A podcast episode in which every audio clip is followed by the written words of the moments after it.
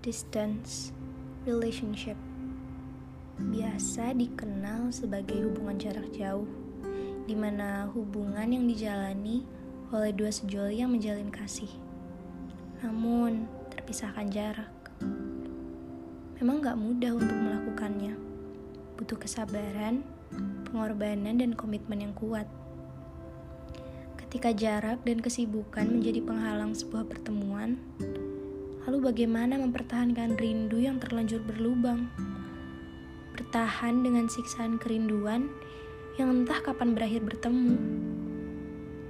Hanya saja perlu dimengerti bahwa ada beberapa hal yang jauh lebih penting. Hubungan jarak jauh telah menjadi momok yang cukup mengerikan bagi pasangan yang sedang menjalin kasih.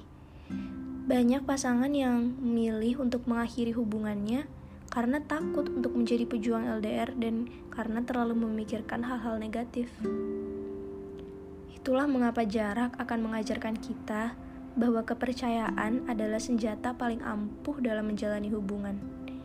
Banyak hal-hal yang diberikan untuk menjalani hubungan jarak jauh, seperti harus menjaga komunikasi, harus memiliki komitmen, jangan terlalu sering berpikir negatif, dan semacamnya.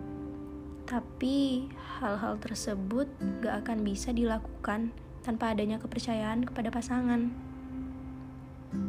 Setiap diri telah memiliki jalannya masing-masing. Mau itu bernasib baik atau buruk, itulah yang sudah ditentukan oleh semesta.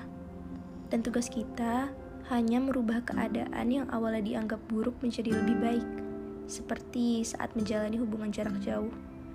Kita nggak bisa selalu menganggap itu suatu hal yang buruk tapi kita harus merubah hal itu menjadi lebih baik dan memberikan kepercayaan kepada pasangan masing-masing.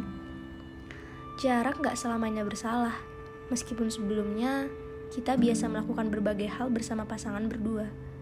Kita harus terbiasa dengan adanya jeda. Yang terpenting, dia baik-baik aja di sana dan selalu memberi kabar dan saling menenangkan dengan kata sabar.